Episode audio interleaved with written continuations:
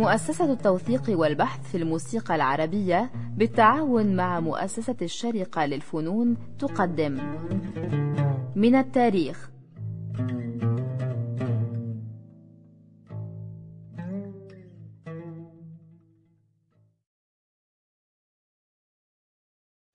أصدقائنا المستمعين أهلا وسهلا بكم في حلقة جديدة من برنامج من التاريخ. نواصل فيها الحديث مع عمنا وعم عيالنا الشيخ فريد أبو شونة آه، قصدي الأستاذ الدكتور فريدريك لاجرونج عن إبراهيم أفندي الأباني. إحنا كنا خلصنا تقريبا جانب كبير من حياته الشخصية. خلينا نتكلم شوية عن الجوانب الفنية عند إبراهيم الأباني. فنيا حالة إبراهيم الأباني حالة داود حسني هما الاتنين امتداد لمحمد عثمان أكثر من أي ملحن آخر وأكثر من أي اتجاه موسيقي آخر في مدرسة الموسيقى الفصحى المصرية. وهذا شيء بيدعو إلى التوقف لحظة. يعني المفروض إن إبراهيم الاباني يكون متأثر بتلحين المسلوب. يعني طالما هو عاشر وصادق وتزوج حسب هذه المصادر بنت المسلوب. ولكن هل نستطيع أن نقول إن هناك شيئا اسمه أسلوب المسلوب في التلحين. ما هو يعني في نهاية الأمر عبده الحمولي ومحمد عثمان نفسهم هم امتداد للمسلوب. يعني هم طوروا على ما بدأه المسلوب مثلا أو مش بدأه حتى يعني إنه المسلوب مش جايبه من بيت أبوه يعني المسلوب جايبه من إرث كبير. ولكن مسلوب يمثل إرهاصات الطور الأول للدور صحيح. حتى تطور إلى الشكل. المتعارف عليه حاليا. فإذا هو يعد إذا هو أستاذ حد فهو أستاذ الحمولي وعثمان نفسهم. صحيح. فإذا من غير المنطقي أبدا أن نقول إنه إبراهيم الأباني امتداد المسلوب حتى لو كان اتعلم على إيده. في حاجة حصلت بعد المسلوب من نفس الصلب من نفس الرحم اللي خارج منه. فبالتالي الطبيعي إنه إبراهيم الأباني هيكمل على اللي بدأوه الحمولي وعثمان. وما نعنيه بامتداد لمدرسة محمد عثمان غلبت الطابع الملحن المجهز المثبت. المهيأ نعم. المثبت للدور في هذه التلحين هو الدور كعمل دسم كعمل متكامل لدرجة إن المطرب البارع قد يختار أن يطور جزئية من هذا العمل المتكامل أو قد يختار أن يحذف أجزاء كاملة من هذا العمل كما يفعله مثلا عبد الحي حلمي عندما تعامل مع عمل من أجمل ما لحنه إبراهيم الأباني وهو دور البلبل جاني وقال لي. نعم. على فكرة دور البلبل جاني ده من الأدوار اللي اتسجلت من أول لحظة كتير قوي. يعني من أول سنة ثلاثة داود حسني سجله اللي هو مفترض يعني منافس إبراهيم الأباني سجله والسيد الصفتي سجله في نفس السنة. وكذا حد رجع سجله من أكتر الأدوار اللي عندنا بيها تعدد أصوات. فهو يبدو إن هو كان عمل مهم حتى بالنسبة للمرحلة. هو كان عمل مهم في هذه الفترة التي كانت فيها هذه الحصيلة الموسيقية في متناول الجميع وكان يحق على كل مطرب إنه يغني هذا الدور بالذات. ممكن تكون الكارثة التي أصابت إبراهيم الأباني هو تعاقده مع شركة الجراموفون.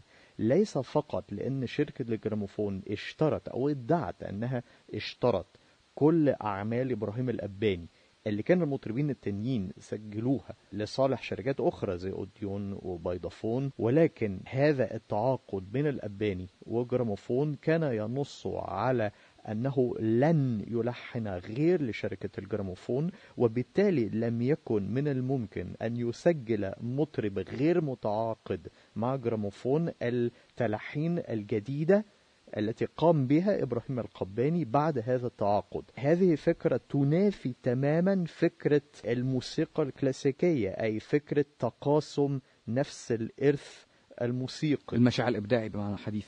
مشاع إبداعي بالظبط كده. من حسن حظ القباني أن قبل هذا التعاقد وقبل دخول شركات الإسطوانات الشرق الأوسط أكيد هو لحن البلبل جاني وقال لي والأرجح أن هذا اللحن بالذات البلبل تم تسجيله من قبل هذا العدد الهائل من المطربين ربما لأنه كان اللحن الناجح في أواخر القرن التاسع عشر. ممكن it was a hit يعني بكل صحيح. بساطة هكذا صحيح. يعني.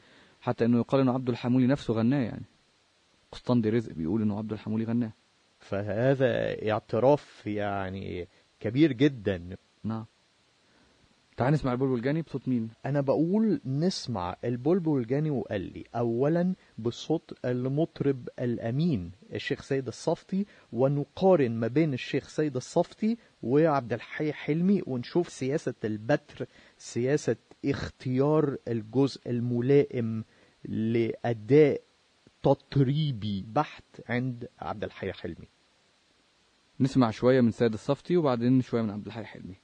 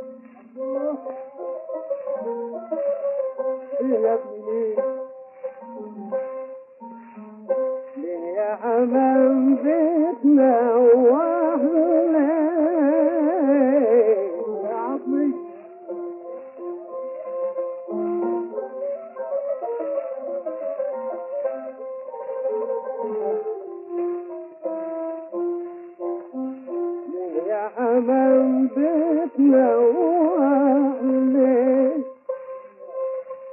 أكثر قوة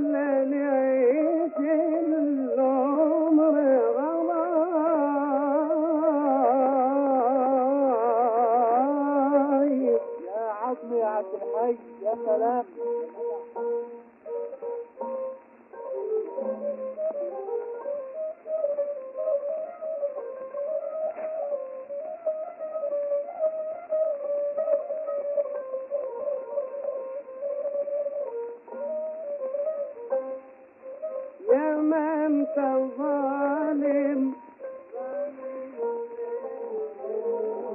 والقلب ما شغول بالمحبة.